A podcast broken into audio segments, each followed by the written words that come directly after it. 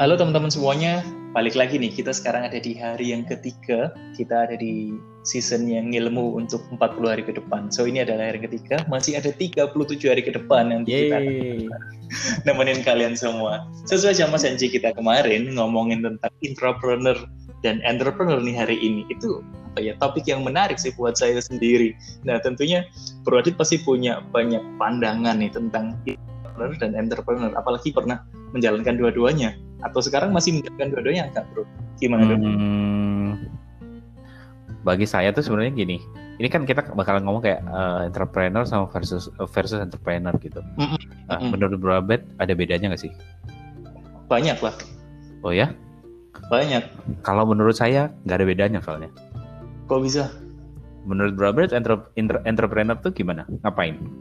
Entrepreneur duitnya banyak, terus waktunya bisa ngatur-ngatur sendiri. Mau libur kapan pun Heeh.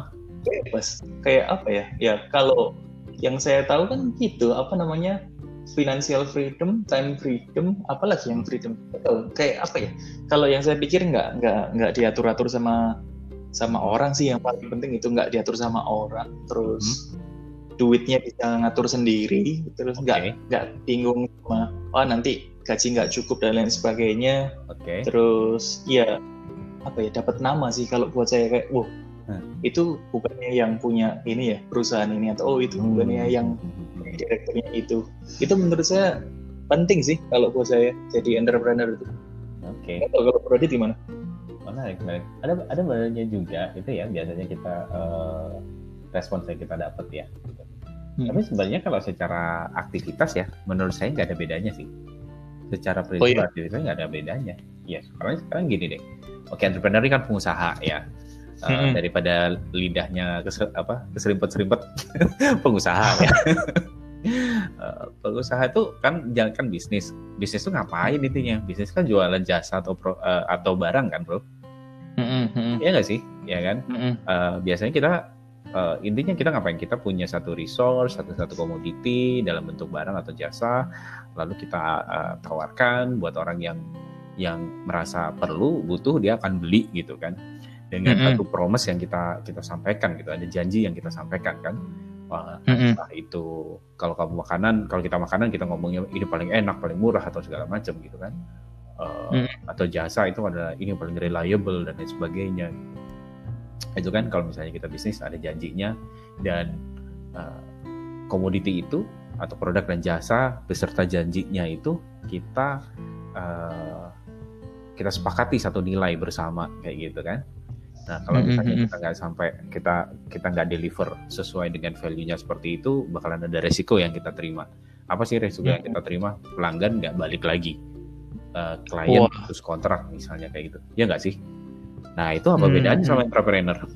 Entrepreneur ini kan sebenarnya kayak kita kerja sama orang kan, profesional kan sebenarnya. iya heeh. Terus coba kalau misalnya dipikir-pikir ya, waktu kita kerja sama orang itu, eh, kita juga sebenarnya melakukan hal yang sama. Kita jualan apa? Kita jualan kompetensi. Dan kompetensi itu kan terdiri dari apa? Pengetahuan, pengalaman, skill, kayak gitu kan. Eh, terus ada lagi apa yang kita apa yang kita jual? Waktu. Iya kan?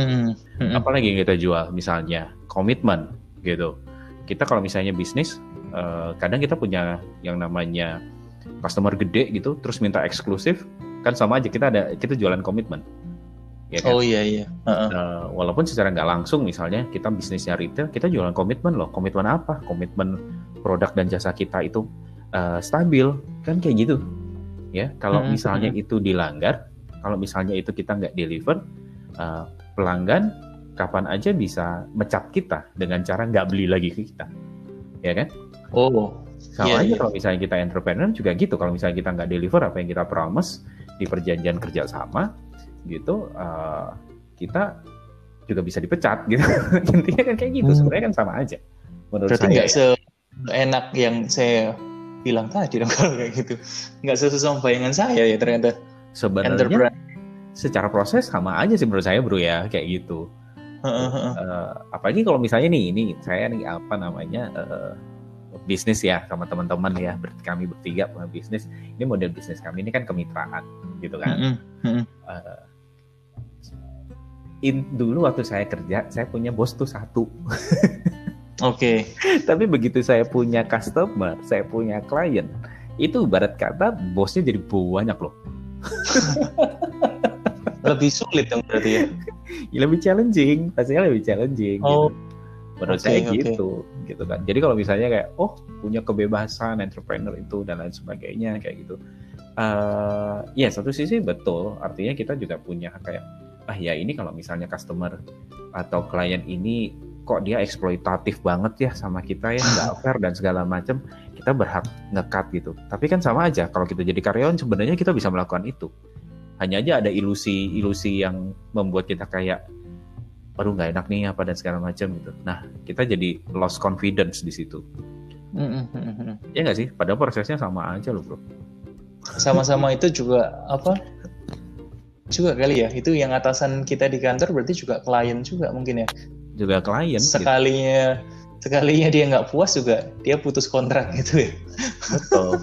Jadi maksud oh, saya. Yeah jadi maksud saya sebenarnya uh, kalau sekarang banyak dari kita berpikir bahwa uh, jadi pengusaha itu artinya berada di level karir yang lebih tinggi daripada seorang karyawan atau seorang profesional. Buat saya pribadi itu saya nggak setuju.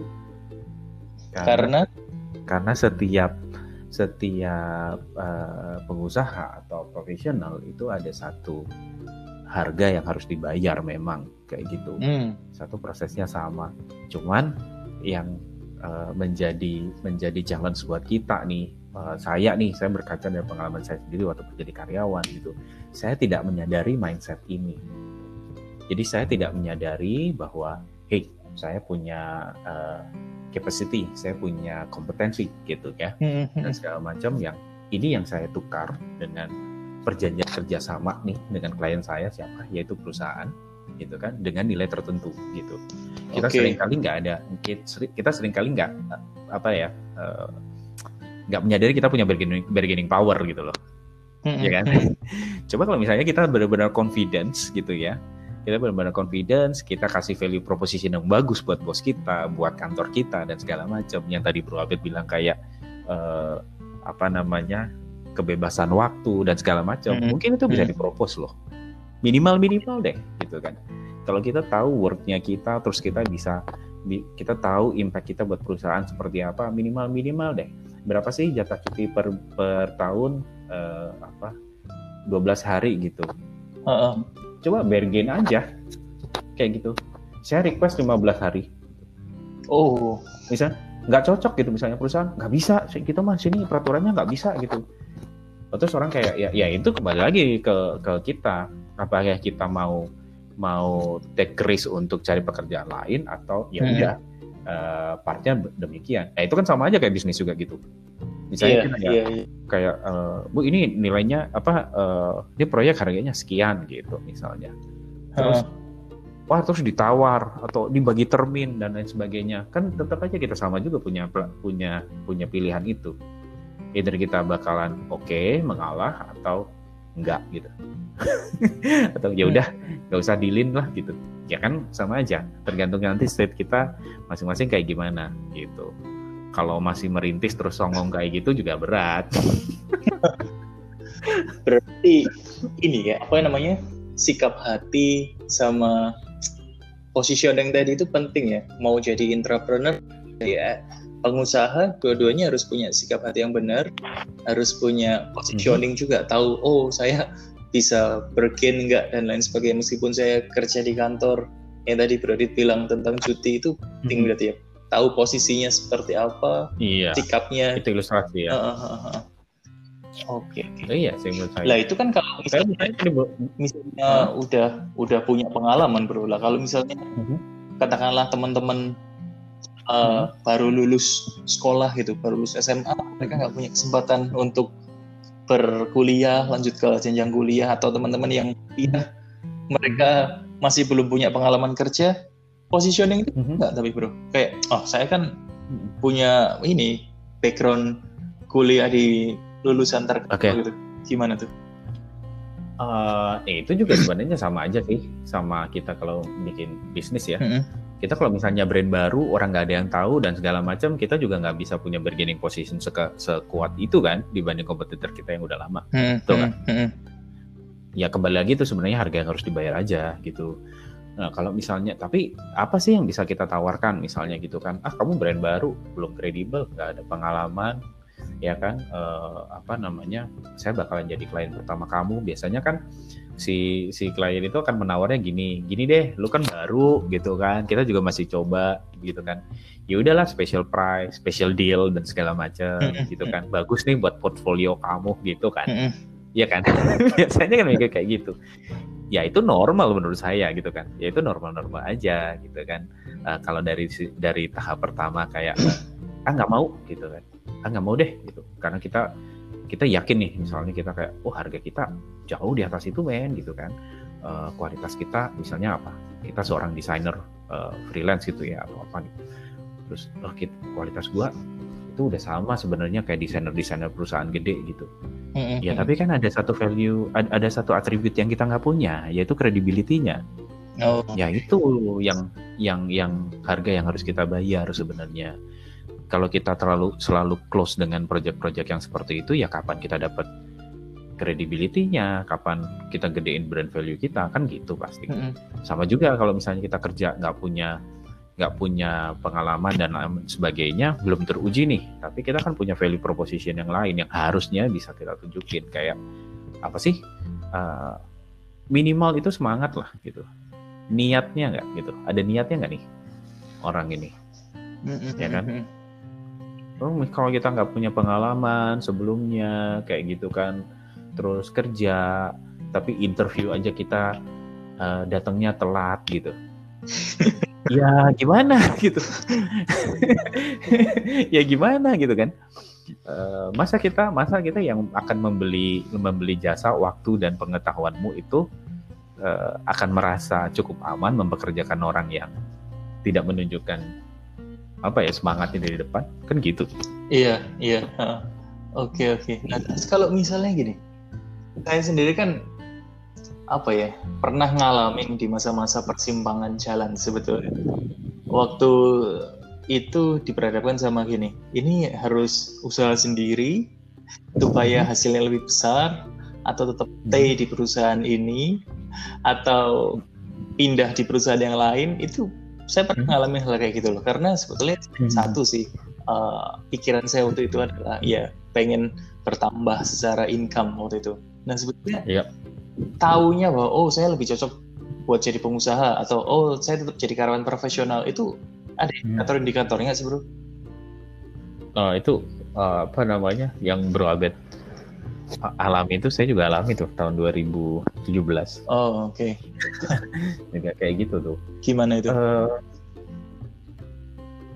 kalau saya waktu itu ngukurnya gini sih. Ini karena pertanyaan uh, gimana caranya kita tahu uh, yang mana yang cocok buat kita. Iya, uh -uh. Kalau dulu saya mengukurnya dari tiga hal. Apa itu? Peace, joy, and growth. Oke. Okay. Saya ngerasa damai sejahtera nggak ngelakuin itu Artinya damai sejahtera itu gini, banyak konflik batin nggak? Apakah apa yang saya lakukan ini juga membawa konflik ke kehidupan sosial saya juga enggak? Kayak gitu ya, sesuai dengan value enggak gitu. Hmm. Uh, kalau kita sudah feel peace melakukannya, pasti nanti ada sukacita. Uh, ada antusiasme nggak dari waktu pas kita ngerjain kita semangat nggak masih bisa generate ide-ide baru nggak kita terinspirasi sama pekerjaan kita nggak misalnya nih uh, kalau misalnya kamu kerja gitu kita kerja gitu ya di satu tempat gitu. Terus bangun pagi itu kayak aduh gue harus keluar lagi gitu. ya oke okay lah ada ada season season ada ada momen-momen di mana kita kayak burn out capek gitu ya bosen. Nah yang membedakan bosen sama kehilangan sukacita itu adalah lamanya sikap itu muncul. Oh kalau berlarut-larut gitu ya kalau berlarut-larut nggak getting better udah dibawa jalan-jalan bawa traveling juga balik lagi kayak gitu in a short time ya ya basically udah nggak ada joy lagi gitu oh kan. oke okay. gitu oke okay. nah, itu ngukurnya kalau secara pribadi ya gitu terus yang terakhir ya growth growth itu bicara tentang kita ada pertumbuhan uh, apa namanya kualitas hidup nggak di situ gitu loh I mean like are we are we uh, apa jadi jadi a better person? Hmm. gitu. Kompetensinya naik enggak? Dan yang paling gampang juga pasti uh, secara secara pendapatan ya. Pendapatan itu juga uh, tumbuh enggak? Gitu kan. Iya iya. Dan berarti kita uh, berbuah enggak di situ? Gitu sih. Nah okay. itu itu cara untuk si uh, si apa namanya uh, peace joy and growth dari sisi kita gitu Nah hmm. ini coba dikonfirmasiin, dikonfirmasiin lagi dari apa yang kita kerjaan itu kita bring peace nggak? Hmm. Orang-orang peace nggak kerja sama kita? Bisa nggak mereka ngomong kayak ini kalau saya kerja uh, ini kerjaan ini kalau di saya serahin ke Abed atau kalau uh, ini pas serahin ke Abed, terus saya aman karena dia pasti akan melakukannya dengan excellent. Misalnya kayak gitu. Kita bring peace nggak di sana? Hmm. Kita bring joy nggak? Orang-orang bakal antusias nggak kayak wah asik nih gue bakalan ngerjain ini bareng si oh, gitu. Berarti dua belah pihak harus sama-sama itu ya? Peace. Dua belah pihak. Oke. Okay. Iya dua belah pihak dong. Misalnya salah satu aja kan kayak uh, apa ya pacaran terpaksa gitu. Bertepuk sebelah tangan.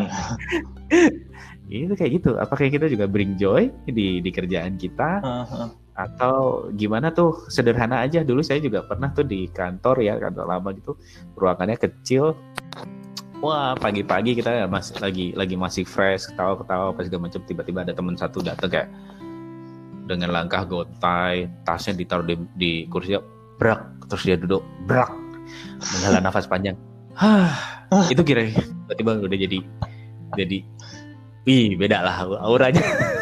Oke lah pertama-pertama mungkin kita nih, lu kenapa bro, kayak gimana? Yoni tadi malam apa bla bla bla lah. Tapi kalau misalnya seminggu kayak gitu terus juga kayak surem ya situasinya gitu. Pasti sih. Dan apakah kita ber, ber ya itu growth tadi apa kita berbuah berbuah nggak di sana? Kita jadi uh, ada perubahan positif nggak dari di, di divisi tempat kita kerja di perusahaan yang kita kerja karena kita ada itu. Kalau tiga-tiganya itu nggak ada, whether kita jadi karyawan atau kita jadi profesi uh, atau kita jadi independent worker hmm. atau kita bisnis sendiri ya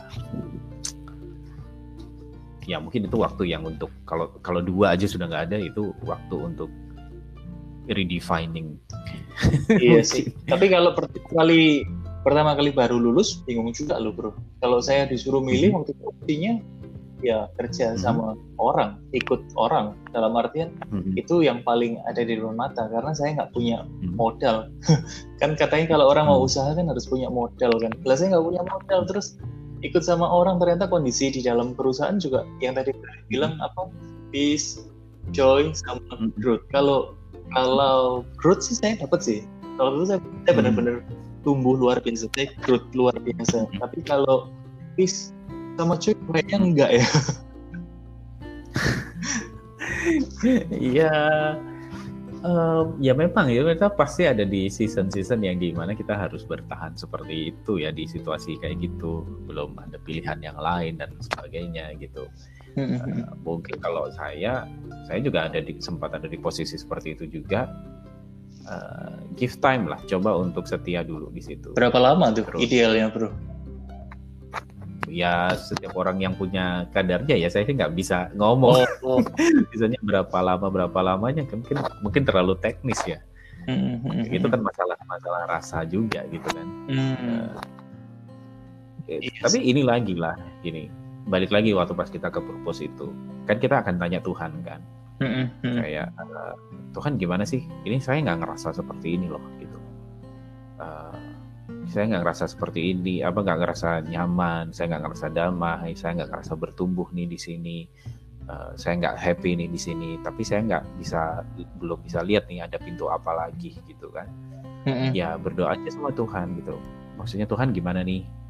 Uh, kalau pengalaman saya ya saya ngomong waktu itu kayak ya Tuhan kalau Tuhan mau mau bukakan apa uh, mau sediakan tempat yang lain tolong bukain pintu dan buat saya ngeliat pintunya ada di mana tapi kalau misalnya memang Tuhan mau saya tetap ada di sini nih gitu kan ya saya nggak bisa nih jalanin sendiri gitu. Gitu aja iya saya butuh sih. kekuatan saya butuh hikmat gitu kan. Berkeluh kesah aja lah nggak apa-apa gitu sama Tuhan kadang-kadang. Saya lemes nih hari ini misalnya kayak gitu ya. Ya ngomong aja. And kalau berdasarkan pengalaman saya ya bro ya hmm. anehnya ketika kita let go melepas dan ada statement yang ini nih menurut saya ini statement statement yang kunci buat saya pribadi adalah kalau Tuhan suruh saya tetap di sini Tuhan yang beri kekuatan itu.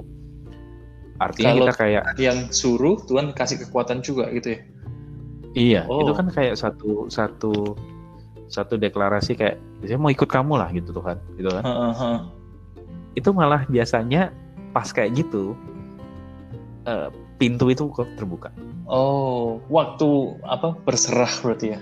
Nah, waktu kita malah bilang oke okay, nggak apa-apa kalau Tuhan tetap suruh saya di sini uh, give me strength give me wisdom hmm. give me peace, give me joy, kayak gitu. And I want to grow gitu kan. Oke. Okay, Kalau misalnya memang ini ini dua dua kali saya alami dalam kehidupan saya soalnya. Oh.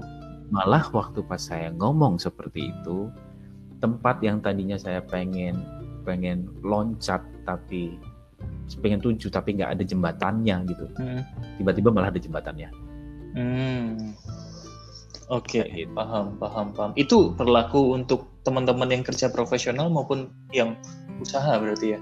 Kalau memang tetap harus melakukan itu, Tuhan yang kasih kekuatan gitu ya. Hmm, hmm, hmm. Oh, Oke. Okay. Ada yang kayak gitu. Ini kan kita ngomong di situasi-situasi yang kayak uh, normal ya. Uh -uh. Tapi kalau kita misalnya kerja uh, di tempat yang udah jelas-jelas nggak ada integritinya, -hmm. terus mungkin abusive dan segala macam, ya nggak usah dikumpulkan ya cabut aja.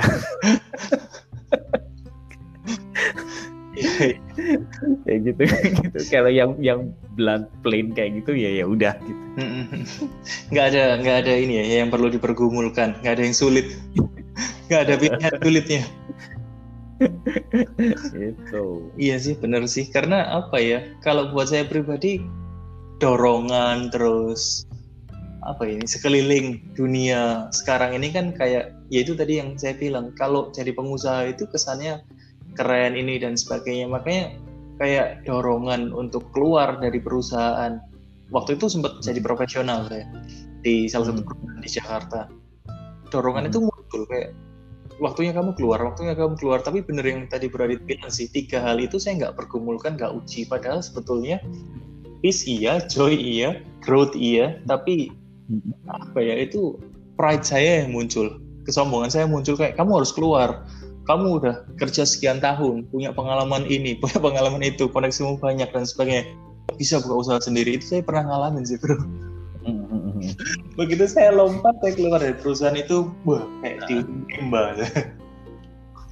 itu itu mestinya sekarang relate banget sih sama banyak banyak orang ya apalagi yang seumuran kita nih bro mm -hmm. yang quarter life gini gitu kan mm. uh, pastinya banyak itu di posisi-posisi seperti itu. Gitu. Hmm, hmm. Dulu saya waktu pas memutuskan untuk resign dan pengen jadi jadi entrepreneur itu yang saya doain kayak tadi. Hmm. Uh, Tuhan kalau misalnya saya mau jadi uh, saya mau bisnis sendiri ini untuk my personal glory. Ini hmm. kata-kata hmm. yang saya saya sebutkan dalam dalam doa saya hmm. yaitu ya. Kalau ini for my personal glory gagalkan. Hmm. yeah. uh, tapi kalau ini for your glory mm -hmm. uh, ya pimpin saya gitu. Drag me drag me there gitu. Uh, tapi kalau misalnya Tuhan pengen saya stay di perusahaan perusahaan tempat waktu itu saya kerja gitu kan ya uh, I need your strength. Itu aja. Oke. Okay. nah saat itu sebenarnya masih buntu. Saya nggak punya cukup modal untuk bisnis dan segala macam. Cuman besar aja dorongan saya untuk resign gitu. Uh, habis doa saya tinggal tidur besok paginya saya buka HP banyak malah banyak opportunity yang masuk yang tiba-tiba muncul gitu yang saya pikir ke mana aja kemarin-kemarin kok sekarang jadi banyak dan terus saya harus milih gitu Oke, okay. malah kayak gitu. Berarti tetap menguji dalam doa, menyertakan Tuhan dalam setiap keputusan, mau jadi apa pun ke depan itu penting kali ya. Itu yang saya itu yang saya nggak nggak lakukan. itu yang saya nggak lakukan beneran. Jadi waktu itu saya keluar dari pekerjaan yang penghasilan setiap bulan income-nya sudah sangat-sangat lumayan untuk hmm. orang yang di usia masih sangat-sangat muda gitu kan. Terus perusahaannya juga besar karena ini anak perusahaan dari salah satu uh, perusahaan teknologi di Amerika. Tapi saya hmm. memutuskan untuk keluar, saya lompat karena itu tadi gengsi saya dan lain sebagainya. Saya nggak nggak kayak Bro Adit yang seberani itu ngomong sama Tuhan sih. Saya cuma pikir saya mau lompat, saya punya tabungan, akhirnya saya kayak ngerasa gitu masuk ke dalam hutan belantara hutan rimba harusnya saya bawa senjata yang memadai tapi saya kayak cuman bawa pisau dapur ya tapi itu juga juga berani bro. Kalau kayak gitu sih namanya menurut saya ya. Tapi jujur saya memang doa untuk seperti itu bagi saya pribadi itu membutuhkan banyak keberanian. Mm-hmm. nah. Cuman uh, itu ingat kan mentor kita juga ngomong apa? Iya uh, apa namanya bagi kita gitu sebenarnya. Sebenarnya lebih logis untuk mengambil risiko bersama Tuhan. Itu lebih logis Iya. Kalau kita nggak melibatkan itu kan sebenarnya kita lebih nekat ya. Iya, betul sih. Beberapa hari terakhir ini yang saya dapat sih itu sih apa namanya sebagai orang Kristen di dalam marketplace itu apa ya kita nggak boleh cari aman. Kita harus cari iya, iman. ya, ya. itu katanya begitu. Mm, Jadi jangan cari aman tapi cari iman. Itu yang saya nggak nggak lakukan waktu itu saya saya coba cari aman, saya coba cari nyaman, aman secara finansial menurut saya, tapi justru nggak aman sama sekali. Nah tapi kalau di dalam Alkitab ada nggak sih bro sebetulnya contoh atau apa hmm. sebetulnya yang kita mau katakan tentang kehidupan profesional atau usaha itu gimana sebetulnya? Uh, menurut saya itu yang terlintas di kepala saya itu adalah Yusuf ya. Mm -hmm. Gimana? Uh, coba deh Yusuf itu dia jadi budak aja uh, profesional banget loh. Oh oke. Okay. Oke okay. iya kan. Budak yang sukses terus, berarti. Budak yang sukses terus me, sampai dia di dia memimpin Mesir itu uh, si Firaun juga cuma ngomong yang membedakan saya sama dia ini cuma tahta aja gitu. Iya, Tapi iya, kuasanya setuju. sama gitu kan. Itu kan dia sebagai sebagai entrepreneur di situ sebenarnya ya gitu loh. Mm. Uh, saya jadi inget nih gitu kan jadi inget uh, apa namanya uh, seorang teman dulu pernah bilang gini uh, menguasai itu nggak harus memiliki hmm.